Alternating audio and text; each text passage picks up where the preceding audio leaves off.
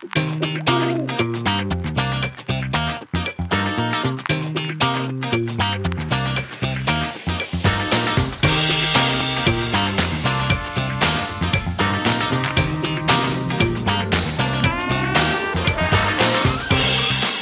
det visste det ljuvligt. Prince. Det där tycker jag att man, man kommer bara i stämning direkt när man hör det där. Kära Och lyssnare. sådär. ah. Ja, ah, det, är lite kanske vår stämning här i studion just nu också. Kära lyssnare, välkomna till Eftersnack, snack, programmet där vi talar stort om smått och smått om stort, men också stort om stort och smått om smått. Det beror lite på hur det råkar sig och sådär. Och vi, det är vår egen militärpolis och svenskfinlands kvickaste retoriker Stan Sanila, välkommen. Nej, Tack, nu har jag ingenting att säga. Oj, Jesus. Ja. Oj, det var så överraskande. Men i alla fall välkommen, välkommen. Och så har vi i studion också Pargas stoltaste Prepel-Kajsa. Jag tror att ni alla vet vem jag talar om. Anna-Lena Laurén, välkommen. Tack.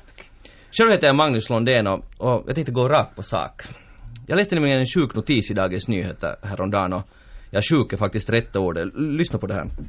Ni känner säkert alla till, eller båda till att, att för, förbluffande många människor dör eller får allvarliga skador när de har fått fel medicinering eller fel diagnos eller fel dos och så vidare på sjukhus.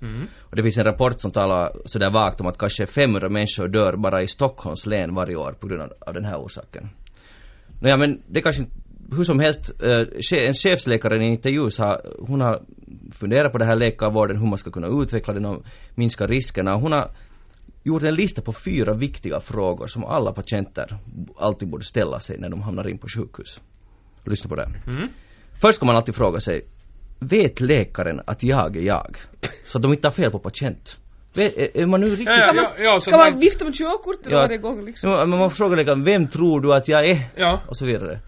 Ja, läkarna brukar ju ibland fråga sådär att vet du, vet, vet vem, vem du är och vem som är president och vad det är för dag. Sådär med, Ja. för att kolla att man är, man är så att säga talbar och nåbar. Men, men, men här är det då att man borde egentligen göra tvärtom. Men jag kan förstå just det där om till exempel om det hänger om det är fel papper i din sjukhusjournal Mm, eller mm. liksom hänger fel grejer. Att om de tror att de har att göra med, med det där 86-åriga eh, Lisa Petkerström och så har de också med, med 37-åriga Sten Sandler så kan det hända att det blir olika mediciner. Så det är mycket, mycket bra. Och sen kan, kan det gå riktigt illa. Ja. Men andra, andra frågan är, tycker jag också, den är nog ganska viktig. Att när man, just före man då sövs ner eller så, så, så, där, så ska man titta att har de ritat på rätt sida av kroppen när en operation ska utföras? Så att är det, om nu vänstra lungan ska bort så har de gjort ett märke där på högra sidan. De har inte plockat bort fel.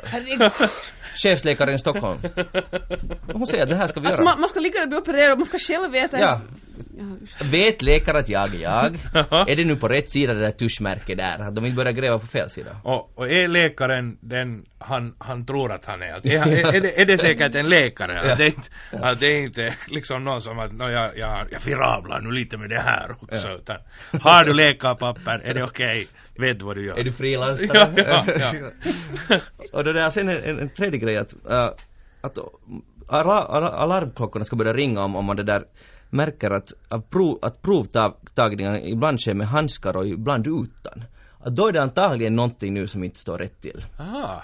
Det där har jag inte tänkt på. Då är det någon som inte har koll på hygienen och så, och så Ja, ja, ja, det Då ska man liksom, hej hej, hör, vad är det här nu, varför har han inte handskar på? Ja, eller bara så att de nyser och ah, Nåja, vi går vidare. så där man, uh, vänta nu. Ja. Ja, Och sen det, här, sist- det här är helt bra råd. Det är bra, men det, vi ska ta dem ad notam. Men sen här sista grejen att, att vem är nu ansvarig för att min re remiss kommer fram? Man ska liksom, när remissen är skriven så ska man fråga, vem, vem fråga läkaren att, förlåt men vem är nu ansvarig för att det här kommer fram? Och sen när man kommer till nästa instans ska man liksom ta reda på och följa upp att har den liksom hittat fram genom byråkratins djunglar. Alltså allt det här är ju ett jättebra sätt att göra sig mycket populär på sjukhuset med andra ord. Ja. De kommer att de älskar det de håller på så här. Vet herr doktor nu att jag är Ja. jag? Ja. Vem har hand om min remiss? Ja. Ja. Och, men sen, Vad är det här med handskarna? Ibland har ni på handskarna, ibland har ni inte. Men samtidigt så är det ju, jag menar det är ju ett, en skrämmande bild av, av hur sjukvårdsväsendet bara fungerar när det är stora enheter och, Mm. och, och, och små människor som ska malas igenom det här maskineriet. Så att man måste tydligen faktiskt också själv ta ansvar för att, att det går rätt Ja. till. Att man, jag menar vi har levt i en, i en värld där där, där det har förväntats att det ska gå smidigt och det ska gå av sig själv och så vidare och, systemet börjar liksom krackelera så att så att det där man får, får, får liksom själv se till att man Mm. får det som en tillkommer. Men ligger det här liksom på något sätt i tiden att, att för det är absolut inte i Finland och länder som Finland och Sverige så är det ju inte sådär att man ska ju, vi litar ju på sjukhus och vi litar på läkare. Tycker ni att det håller på att förändras den här bilden, Anna-Lena? No, framförallt det här just att, det här att, att system som egentligen finns för att System som, som liksom har, har, har, utvecklats för att vara pålitliga och som man har kunnat mm. räkna med att det funkar så det är inte så mer. Nej. Och det, jag tycker det finns en massa olika exempel på liksom att man Okej, det här, jag vet inte om det här nu är en väldig åsnebrygga. Men, men, men till exempel som sagt, jag fick mitt nya försäkringsbrev för min båt och min lägenhet hem för ett par dagar sedan. Och där stod att försäkringen har ändrats och här är det nya brev. Så läser jag brevet och hittar inte en enda ändring. Det tog mig två dagars samtal till Pohjola för att få fram vad det var som hade ändrats där. Mm. Alltså de kan liksom inte systemet är så stora, man, man kan liksom inte göra saker och ting enkelt utan allting bara drunknar i en sån här jättekvarn känns det som ibland. Jag, jag mm. tror att Anna-Lena har helt rätt och, och, och, och just det här att, att man måste hålla på sin rätt liksom inom, inom systemet. Jag tror dock att det finns skillnader mellan stora och små enheter. Jag tror att det, det är en sak om du blir inlagd på Mejlands sjukhus och en annan sak om du liksom är på hälsostationen i, i din hemkommun. Mm, jo, det är klart jag menar att, det, Nu fantiserar jag eftersom jag inte vet, men jag menar, vet du om det finns Bromarvs myssjukhus så ser det annorlunda ut än stora jättekolossen mm. på en åker. Mm. mm. Men det är ju det som är poängen med stora enheter att inte alltid är så effektiva för att det blir, det blir just sådana fel sen när man... Ja, ja, och, och det klagar ju många läkare också på att, att mycket av deras tid går åt till att administrera saker mm. och ting. Att, att, de har ingenting emot att sköta patienter, det är ofta därför de blir läkare, för de tycker att det är, det är intressant att vara med människor och deras hostande och, och utslag och sånt här. Men vilket kanske man hör att jag är inte är så intresserad av, men jag hyllar dem som är intresserade. Det är jättefint att de orkar pynja med sånt. Men det där Eh, men, men sen är det då alla världens grejer som ska följas upp och statistik som ska göras och så här. Plötsligt så, så hinner man bara träffa liksom en patient var åttonde månad. Mm. Mm. Men nu går ju trenden alltså jag, jag, tycker att alla som man talar med säger att små enheter är trevligare och, och, och, och, inte, och inte, det är inte alls säkert att det är mindre så att säga kostnadseffektivt och så vidare. Och ändå går ju trenden hela tiden just nu och har mm. gått de senaste åren mot större enheter och större, allt blir större och, och mera liksom längre bort från medborgaren. Att det, det här är ett uttryck för det också.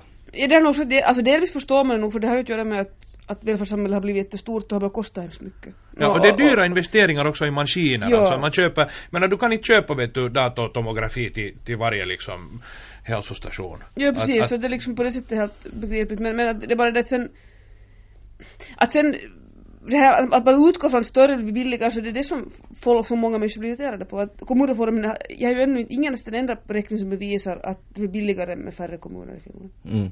Alltså man kan, man kan ju räkna med att det blir det och det, det finns helt säkert klara fall där det blir billigare men den här liksom jättereformen nu som genomförs så jag har ännu inte sett en enda utredning som bevisar att det här kommer att göra det billigare för kommunerna. Mm. Speciellt om inte man skär ner då på administrationen samtidigt. Att, att jag menar att det ska finnas lika många som administrerar lite mindre. Så, mm. så, så, då är det liksom, det är plus minus noll. Men på tal om det alltså så, det kom, för ett par dagar sedan kom det nyheten om att Finland nästa år får ännu mer skatteinkomster än förra året. Alltså man sänker skatten men det kommer ändå in mer eftersom ekonomin går bra och så vidare. Och, fort, och fortfarande så har vi inte resurser. Alltså det här är ett mysterium. Ja, alltså, det, här, det här är något som jag tycker är jätte, jätteintressant. Att genom världshistorien så länge Finland har existerat geografiskt, om vi, om vi liksom går ända tillbaka så där att allt var bara en enda ursörja och bara vet du vatten som bubblar någonstans lite här och där och det var mm. vulkaner och sådana här skräcker. Så ända sen dess mm. så har det aldrig gått bättre för Finland än just nu. Mm. Aldrig! Det har aldrig varit så vet du att 1932, hoho, då var det guldåldern vet du. Då, då, då, då tällde vi guld med kniv och det där. Utan det var faktiskt lite sämre då än vad det är idag. Och ändå klarar man inte av sådana här åtaganden. Det tycker jag är spännande. Det är absurt och det, det... Vi står alltså på översta toppen av det nationen någonsin har förmäktat att göra. Det är ju dekadens det, om inte liksom, trots det klarar av det. Men det, och så konkret tänka, tänka på det här att hur ska sen farmor eller farmors farmor när, hon kanske inte lever men farmor äh, ligger på sjukhusbädden och är mycket gammal och trött och ska få en, en göra en viktig operation. Ska hon sen börja liksom ursäkta mig, vet nu då läkaren att jag är jag och, och så vidare. Det är ju alldeles absurda krav. Jo, jo, det är och, jag förstår inte, vi, jag, jag tror att det här är liksom nöden i uppfinningarnas moder, alltså mm. att det här, det här är så att säga framtvingat, att det måste vara så här helt enkelt. Det, det är oerhört sorgligt att, att, att så att säga patienten själv ska ta ansvar för att allt går rätt till. Det är som att stå bredvid snickaren när han skruvar i något i, i, i köket liksom att är det här, har du rätt sorts skruv vet du?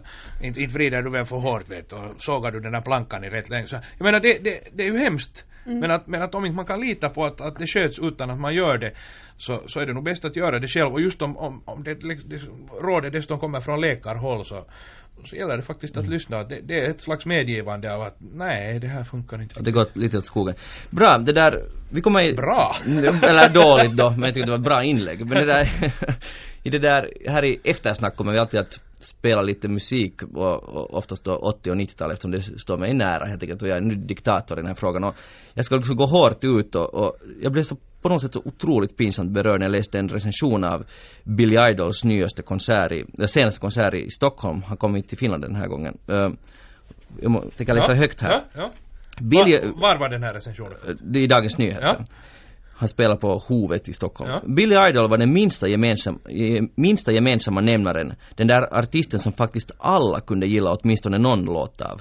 Varenda människa som var ung på 80-talet måste ha dansat, supit, hånglat eller, eller allt på en gång till en Billy Idol-låt. Och har förmodligen fortfarande ett av hans samlings, en av hans samlingsplattor i sin gamla vinylback. Och där ligger den tills rätt gamla polare hälsar på skivan där man sa för att skapa igenkännande frånleende i, i tid för sista ölen och så vidare och så vidare. Och jag var helt att, det är ju precis så här ja. det att och jag insåg att jag är en patetisk kille. Och det därför så tänkte jag att nu, vi ska nu lyssna på Billy Idol för att komma in i rätt stämning. Oj, vad och, och det här är uh, Dancing with myself. Det med Billy Idol var det som det också påpekas. Härligt tunt och ihåligt ja, 80-talssound. Precis, precis. Och det där, perfekt livebeat också. Det där det som Billy Idol gjorde som jag beundrar honom för att han var ju liksom ursprungligen en punkare. Ja. I Generation X och sen som det konstateras här i recensionen också, att han lyckades med konststycket att förena alla de som egentligen hatar varandra. Punkare, syntare och, och metallkillarna. Alla hatar honom? Ja. Nej, men vet jag, nu är det en bedrift också i sig. Man ja. säljer sig liksom, man gör minsta gemensamma nämnaren. Ja. Mm. Och, och, och, för det är så sant det här att Billy Idol har en, har en låt, också till och med tjejerna kunde gilla Billy ja. Idol. Jag tänkte Anna-Lena, har du något speciellt förhållande till Billy Idol? Jag, jag har flera låtar som jag tycker hemskt mycket om av honom, men tyvärr kan jag inte komma ihåg vad de heter. Är det någon... Det här är en av dem. Ja, just det. Men sen visst... Sweet 16. Jag, jag tänkte just den, ja, den är bra. Den, den brukar tjejerna digga. Hur är det med Stan? Har du någon förhållande till Billy? Uh, jag kunde ha haft, för jag träffade honom en gång. Ah. Ja. Jag träffade honom på, på flyget till Stockholm faktiskt. Och det där. Och han, han, var som klassiskt alltid sagt, han var mycket mindre än, än på bilderna. Jag vet att han mm. var faktiskt en, en, en liten, liten kille. Och det där. Men, men han var, han var hemskt trevlig så tillvida att jag hade, jag var då på, jobbade på studentbladet och, och det där. Och, och så hade jag med en, en, eh, uppla, en tidning och ett exemplar av studentbladet och så signerade han det med Billy Idol. Och jag var på väg att intervjua Christer Pettersson men det är en annan historia. Men, men det, det, kunde ju ta skada vet du. Hej Kricke, här är en autograf av Billy Idol. Kan jag få intervjua dig? Var det du som mördade Palme? Men det är en annan historia. Billy Idol och Christer Pettersson på samma dag, det var ganska, det var ja. ganska hård insats. Bra. Nej, jag ger mig nu den. Det där, uh, här i eftersnack har vi alltid så här att våra gäster Stan Sanila och Anna-Lena Anna Laurén kommer alltid att ett bra tema eller något som ni har funderat på den gångna veckan. Jag tänkte börja med Stan. Ja, uh, jag funderar på en sån här sak som det här gerilla marknadsföring. Jag vet inte om ni minns i, i början av veckan så stod det i tidningen om, om uh, det hade klistrats upp sån här affischer omkring på stan och i, i olika byar och sånt här om att uh, ett företag vill köpa din hund för att göra päls av jo, den. Jo, jo. Och, och det där... Och, och ett, det var som ett enda stort practical Ja, så, så blev ju då folk upprörda och, och det där och gick in på den här webbsidan eller ringde något nummer och så här och så visade det sig att ahaha, allt var bluff. Det handlar egentligen om uh, så kallad gerillamarknadsföring, det vill säga man ville sälja en bok som handlar om hur man marknadsför saker på ett okonventionellt vis. Och, och då, då, vilket då skulle bevisas den här tesen. Alla så köpte ju säkert boken. Nej, men naturligtvis inte, men då i och med att det genererar re eh, reklam i form av upprörd text i tidningen och, och människor som jag som talar om det i medier så går folk in och hej vad tufft att din gerillamarknadsföring lyckades. Mm. Och det där, jag måste säga att jag avskyr uh, sån här gerillamarknadsföring därför att den använder sig av, av uh, vad ska jag säga, den klär sig i, i falskhet. Alltså, uh, för några år sedan så kom den här filmen uh, Fight Club, kommer ni ihåg? Mm. Med, med Brad Pitt och andra. Och, det där, och då fanns det sådana här uppklistrade på de här elskåpen i stan.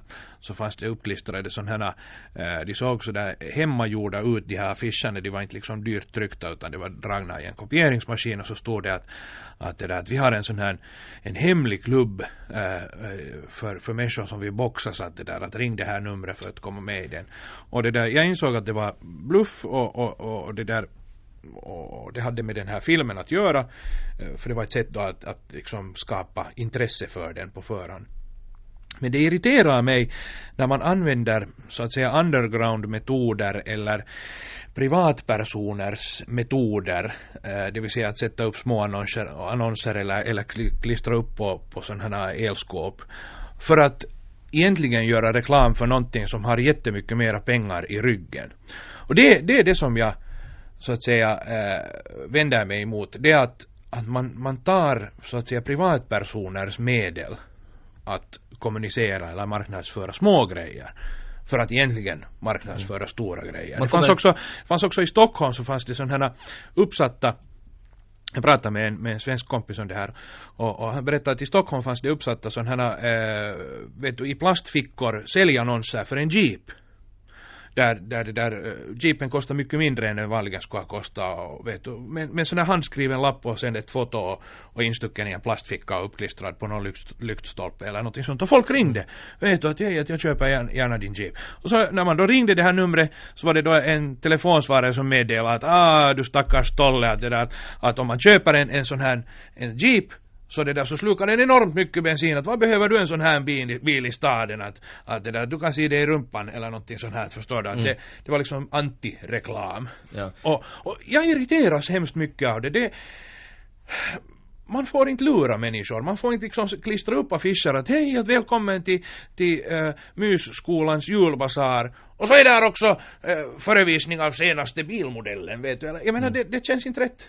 Nej, alltså det handlar ju om att de kommer in, ska säga kommersiella, eller reklamen kommer in på ett område där de inte alls borde vara. Det borde ja. vara det här människa till människa liksom. Ja. Sån här gatu, gatukommunikation, vad, vad man ska ja, kalla det. Alltså jag accepterar fullständigt, det får finnas hur mycket reklam som helst i, i världen. Men på därför, för det reserverade ytor, det vill säga i tidningar, i, mellan tv-program eller på busshållplatser, men liksom inte på det som, som privatpersoner använder för att kommunicera mm. sinsemellan, det vill säga uppklistrade lappar på elskåp. Jag menar, tänk om, tänk om du skulle sitta i, i skolan och så, så, så, så, så skickar någon kompis en lapp åt dig psst, oj, oj, vet du att, att Nicke är kär i Jocke eller nej, no, det är en stor nyhet.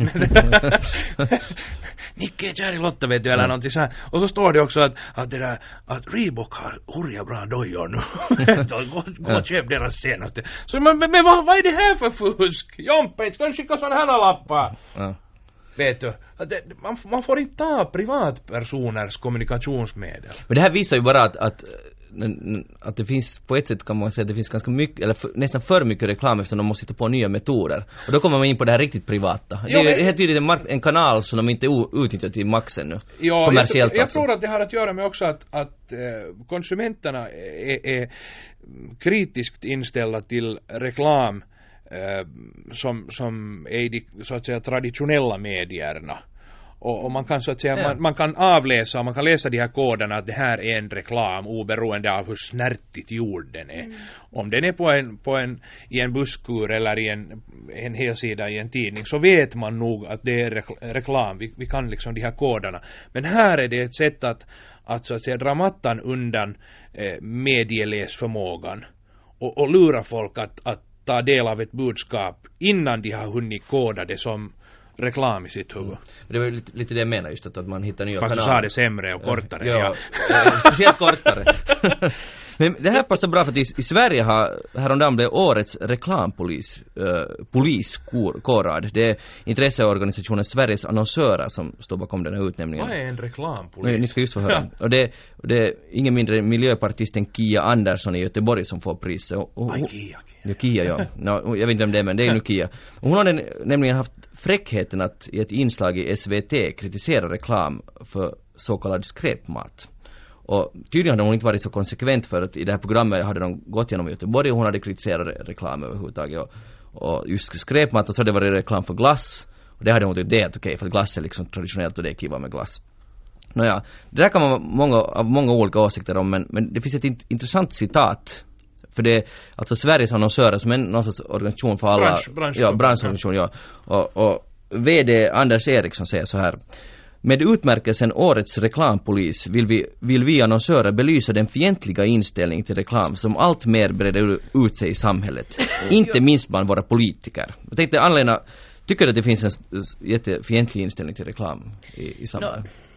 Det var det dummaste jag någonsin har hört. Alltså det finns ju förstås kritik mot reklam, tror de att de är undantagen kritik kanske som allting annat Mm. kritiseras. Det är ju, alltså det finns en viss kritik men framförallt finns det tror jag en, en stor likgiltighet. Alltså jag tror att personligen, jag läser aldrig reklamen. Jag tittar aldrig på reklam i TV, jag byter kanal när det kommer Men du är dålig då, alltså men du borde göra det. Ja men det intresserar mig inte ett Nej. dyft.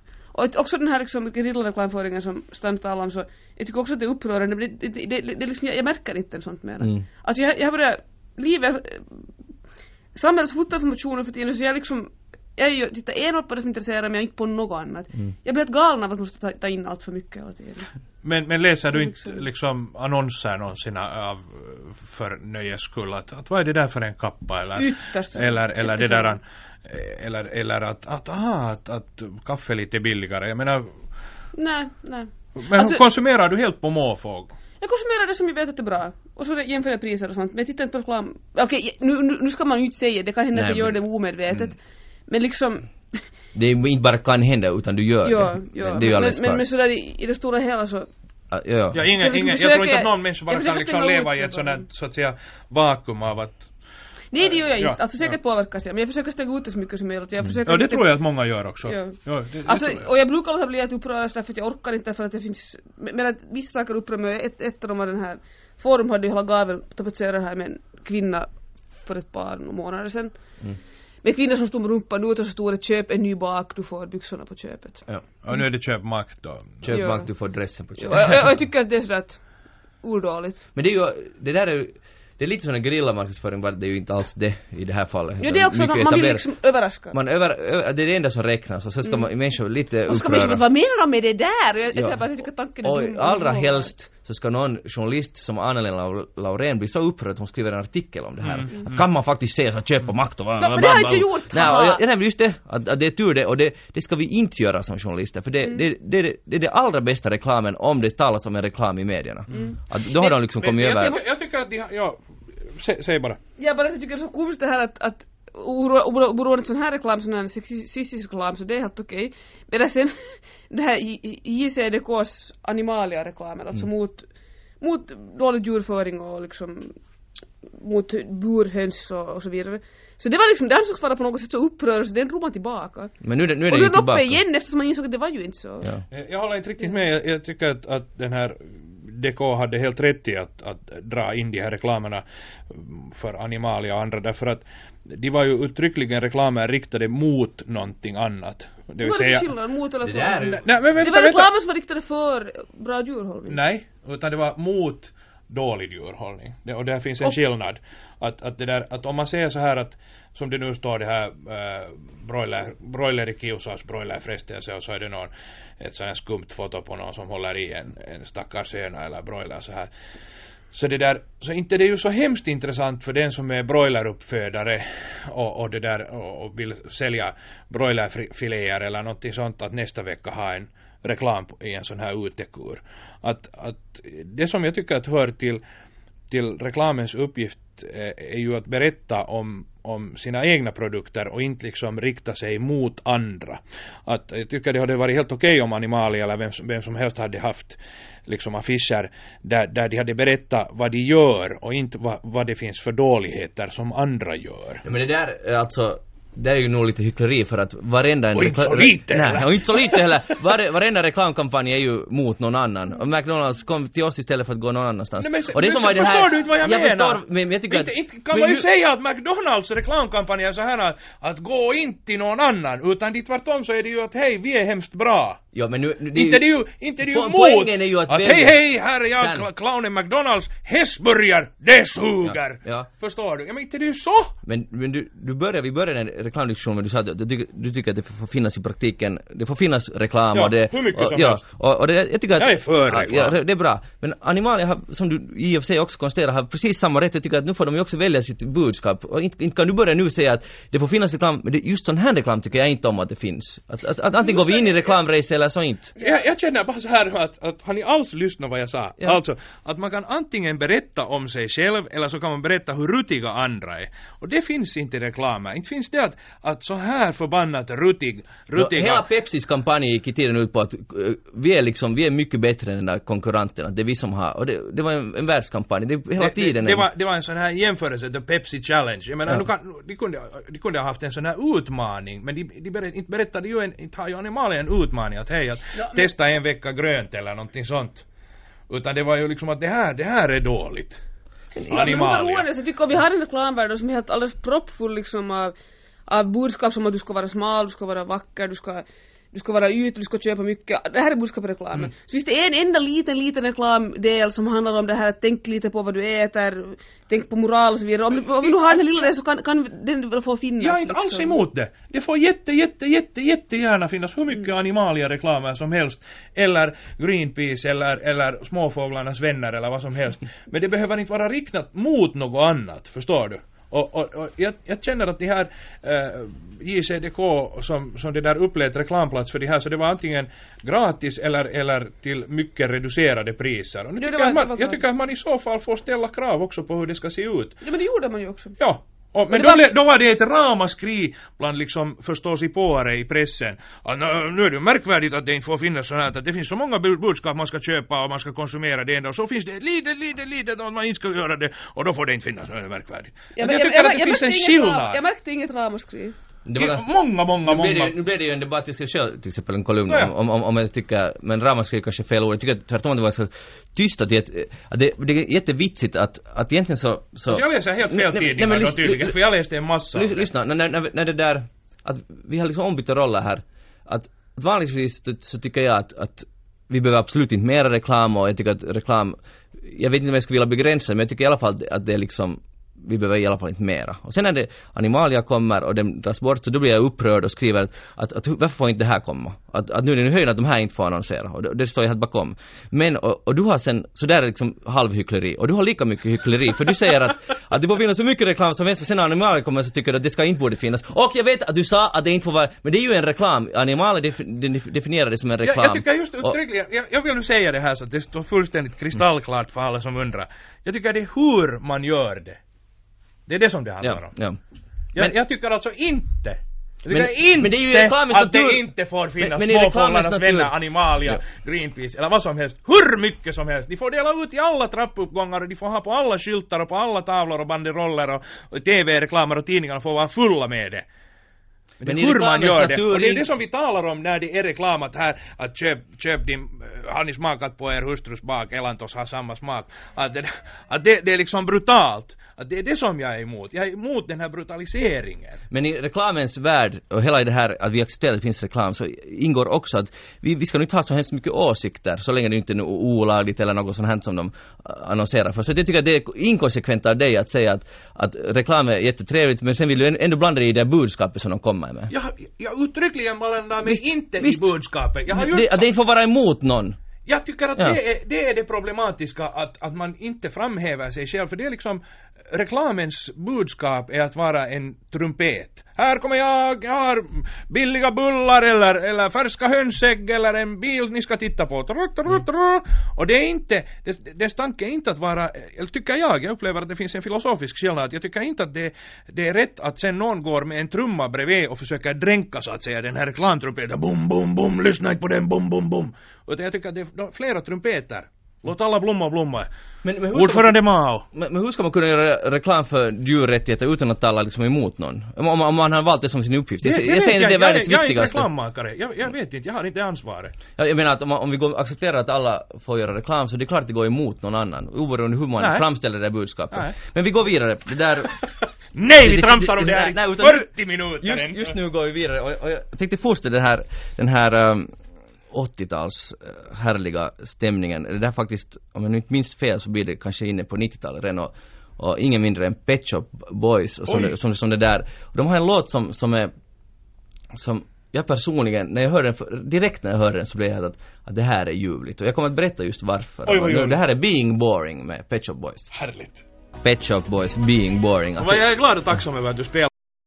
Jag vill hylla dig, Magnus Lundén, för att du har vinylskivor med. Jepp. Ja, och- Tack jag- för det. Tack, var, varsågod. Det känns bra. Jag hoppas att lyssnarna hör att det är riktigt, att det Äkta knaster. knaster och, och det är knaster som, alltså det, det är inte, jag är inte helt dit i det där utan det är it's real stuff. Det, You det är can't buy that knaster for ja, money. Ja, och just med being boring så, som jag sa här att, eh, när jag hörde den här låten så, så kanske låt oss säga att det var 20.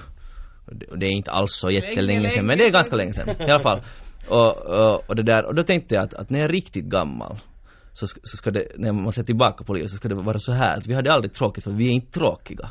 Och jag tycker att det är alldeles fantastiskt att, att, att det var bra allt som har hänt. Och det här finns också en, en, en rolig eh, mening här i, i den här, som ungefär på svenska att jag hade aldrig kunnat föreställa mig att jag skulle bli det monster som det var meningen att jag skulle bli. Okej, fundera Wow. på det där. Det är monster. Ja, creature, vad man nu ska kalla det. Och creature är kanske inte monster. Nå, nå. Kreatur. Kreatur, på tal om eh, animalia. Ja, husdjurshållning. Men- hej hej och välkomna till husdjurshållningskvarten. Men i alla fall den här, den, den här låten var inspirerad av, av ett, ett citat från 20-talet av en eh, känd författares hustru som eh, på något sätt när hon reflekterade på sitt liv så var det att vi var aldrig tråkiga för vi var inte tråkiga. Eh, nej, vi, vi hade aldrig tråkigt för vi inte var tråkiga och så vidare. Jag tänkte att det var en ros, en ros, en ros. Vi är ju aldrig tråkiga, för vi var aldrig tråkiga, så det, det var vår hemlighet. Ah, ja, okej. Men Pet Shop Boys hade mycket, de hade alltså, och kanske har det ännu också, den här otrolig eh, liksom, känsla för melodier. Och jag tycker Ja. att, att, att, att de, de är nog värda mycket hyllning och, Ja. som kan pågå i all evighet. Det där, kanske vi i ett annat program kommer att ha Bara Pet Shop. mera, vi har just bara Pet Shop Boys. Eh, Sen en lite sån här bra, eller den är också igen att den är inte bra utan den är liksom idiotisk anekdot från, från lokalvärlden i södra Helsingfors. Det där, det, där är det nämligen så att det finns ett, ett, ett daghem som heter Fylgia Solhem. Och det där, Vad heter det? Fyll? Fylgia Solhem. Okej. För tidigare fanns det ett skilt som hette Solhem och så slogs det ihop och så vidare. Mm. Nåja, de har två enheter så att säga. Den ena enheten skulle få på renovering nu i, i låt oss säga, jag tror det var i augusti. Och, och alla då som bor där måste råda sina barn till ett ställe som är Nå, det här blir nu lokal geografi men Eriksgatan som Mm. är en, en, det blir ju helt enkelt mycket, mycket mer besvär. Allt är relativt här i världen, Mm. men, men i alla fall. Och för deras för, första enhet hölls kvar på samma ställe, så man har barn, ofta, vilket man ofta har, på ena och på andra så kan man inte föra till samma, Ja. förutom de var jättenära varandra. Ja. Anyway, det skulle renoveras och staden hade beslutat om renovering och, och det skulle re- renoveras hela hösten så att de sen skulle kunna flytta in till första januari och allt skulle återgå till det normala. Och nu igår, eh, förlåt i förrgår, så kom det fram att eh, de hade haft något möte, jag har några bekanta där, så hade det kommit fram att ja, att, att det har nu visat sig att, att renoveringen har inte alls kommit igång ännu. Att ni, Sen, och det skulle börja i höstas. bör, det, och de, de har alla uh, nu liksom pendlat till det här nya stället, det här tillfälliga stället, men absolut ingenting. De har antagligen inte ens öppnat dörren, de här Hur är det här möjligt? Ja, hur är det möjligt? Uh, och nu, och nya beskedet var att, att också hela våren kommer, för då ska det börja på riktigt, så ni får ännu hela våren pendla Så de det kunde ha hållits Ja, kvar de skulle kunna hållas kvar hela, hela hösten. Men det gick inte. Och så, så var det med att föräldrarna var men, men förlåt men vad har hänt? Att, att, hur, hur är det här möjligt? Och då hade någon byggmästare sagt ja att han ringde nog till någon till staden men han minns inte vem. Nej men du Och skämtar. det här är, is, det här är ett, en sann historia. Ja. Det är alltså det här är ett hemskt exempel på hur det går när människor, när människor liksom inte bryr sig om sånt som de inte själva sig om exakt. Ja. När ingen har exakt ansvar för någonting, så det skiter alla i det. Därför sköter kommunismen till exempel. Mm. för att ta till en nivå Men det som en bra parallell. Men, men alltså det är ja. just så här det går när någon inte har det Ja, uttryckliga ansvaret för... Ja, ja. Vad som- ja, ja, man där håller jag med alltså, Anna-Lena, det är jätteviktigt Ja. att man liksom, vem är det som sköter det Ja, här? ja. Och, och, och, och, och vilket är ditt ansvarsområde? Om det är klart att det är Jussi, Jussinström, så, så kan man ringa honom att hej, hur ser det ut, vad har hänt? Mm, Kom ja, igen, precis.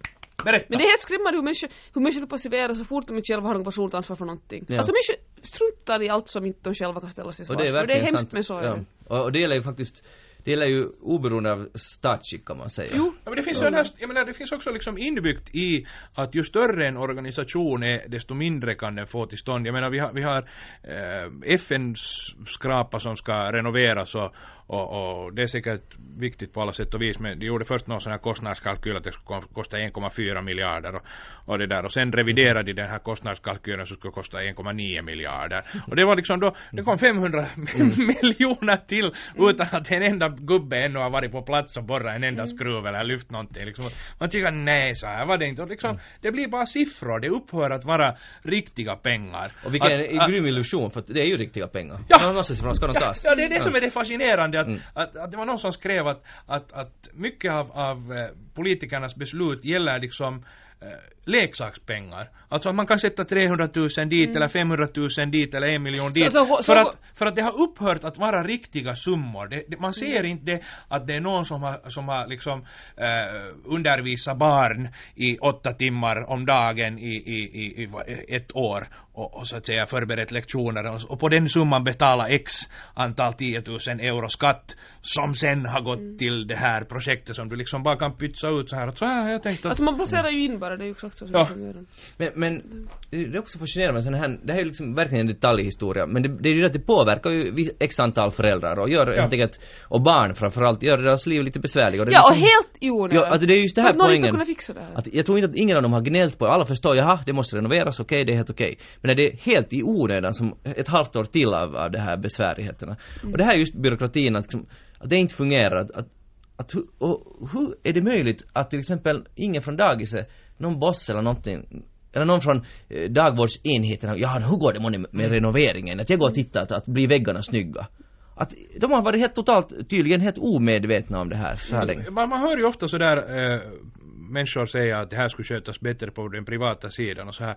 Och det tror jag inte alltid men, men det där, men det här är ju ett, ett typexempel på att, att skulle det vara så att säga en, en privatpersons restaurang eller någonting sånt ja, ja. där inte renoveringen ska komma igång så skulle man ju nog skilja bytt firma. Ja, och, och sagt att vet du vad? Att vi hade här en, en överenskommelse och du höll inte fast vid den så tack och adjö. Ja, där har du mycket och, och, rätt. och vi ses i rätten ja, eller någonting det är alldeles sant att det där, min, min, min restaurang har varit stängd här i ett halvår och nu när jag kommer och tittar så har jag ju inte gjort ett skit. Nej det har vi har inte gjort ett skit. Vi ringer nog till någon. Vi ringer till, vi kommer inte ihåg vi ringer till din kusin eller någon. Ja, ja. Vi svarar inte något till någon. Men hej, det där, vi hade som jag sa, nämnde tidigare hade vi det här att vi våra gäster, eller vad ska vi säga, våra standardgäster, eh, Stan och Anna-Lena Laurén, ni har alltid mer ett tema från veckan som gått och nu tänkte jag ge ordet till Anna-Lena. Ja, tack. Det här, jag skulle vilja prata lite om, om de här norska fiskepoliserna uppe i Spetsbergen. Oj. Det är på det viset Norge har ju ut, utvidgat sin... Alltså det är ju på det viset att vi har ett stort problem med fisket i världen eftersom fisket tar slut. Ja, rovfiske så att Exakt. Man, ja. Och nu har Norge, och det finns sådana liksom då rebellstater, Norge och Island som jag känner som lite hemlig beundran för fast de, fast de har tagit makten i egna händer ibland för att de nu har den norska polisen kört bort ryska och spanska skepp om vartannat från Spetsbergen. Mm. Och nu senast var det i morse eller igår som jag hörde om att, att det var ett spanskt skepp som hade kommit dit och börjat fiska alldeles för små hälleflundror. Och norska polisen infann sig... Och det är väl just det som är så att säga definitionen på det här rovfisket. Ja, att man fiskar liksom... för små, man använder för små nätmaskor. Och var på, norska polisen infann sig varpå de dumpade hela lasten i sjön. Och, no ja, men alltså det, det här är bara ett exempel på hur, hur liksom otroligt sjuk hela den industrin. Att först fiskar man för liten fisk för mycket och sen dumpar man alltihop när man, blir, när man liksom blir upptäckt. Mm. Och, och fiskeministern i Spanien, det här är det absolut bästa då, att fiskeministrarna i respektive länder som ju borde ha ett intresse av att fisken inte försvinner i havet, så de står alltid på de här råfiskarnas ja. sida. Nu är fiskeministern i Spanien hemskt upprörd över det här och det ska bli samma diskussioner med norrmän hur de täcks göra på det här viset. Och det var samma sak för ett par veckor sedan när det var ett ryskt skepp som liksom prejades av norsk kustbevakning och fördes till Norge då, så mitt på ändrade kurs. Ja. Den norska inspektören ombord så körde man ner till Murmansk. Ja, och de var lite olyckliga. Som gisslan var inte så glada tror jag. Alltså man kan ju skratta åt det här men att det men det, är ju, det handlar ju om enorma pengar, det alltså det är pengar. enorma intresse. Ja. Och det som det framförallt tycker jag handlar om det som gör att det är intressant för oss och alla ni som lyssnar är ju det att, att den, den är en fisk som, alltså när ni köper den här nya trendfisken tonfisk till exempel. Tonfisk. Färsk tonfisk i butiken. Tonfisk. tonfisk. Så kan jag tala om för er att ni, ni, ni, bidrar till den här rovfisken. Man ska aldrig köpa tonfisk. Varför, för varför det, just det? Därför att det mm. utfiskas totalt. Alltså det finns inga stora tonfiskar kvar mera i havet. Tonfisk.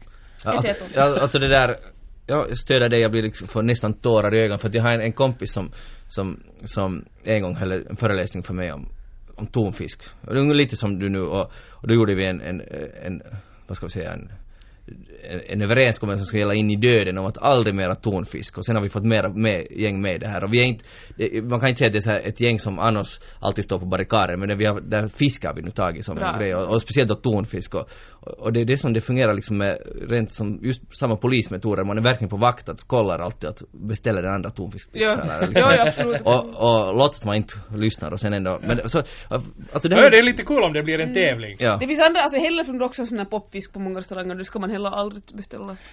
Jag tror inte att, att personligen så tror jag inte att, att det, de här så att säga en portion hälleflundra som är problemet utan, utan att det kommer så mycket annan fisk med när man det- fiskar det- och så slänger de liksom det. Alltså man, man uppfattar havet som en, en oändlig visthusbod dit man bara kan gå in och ta för hej det är liksom gratis. Vet du att, att fiskarna äter ju liksom äh, vet du växter och skräp som ändå finns i havet. Det är bara liksom att, att vet du att som du går till, till, till skafferiet efter liksom en burk ärtor så är det åh, där i havet där finns det fisk.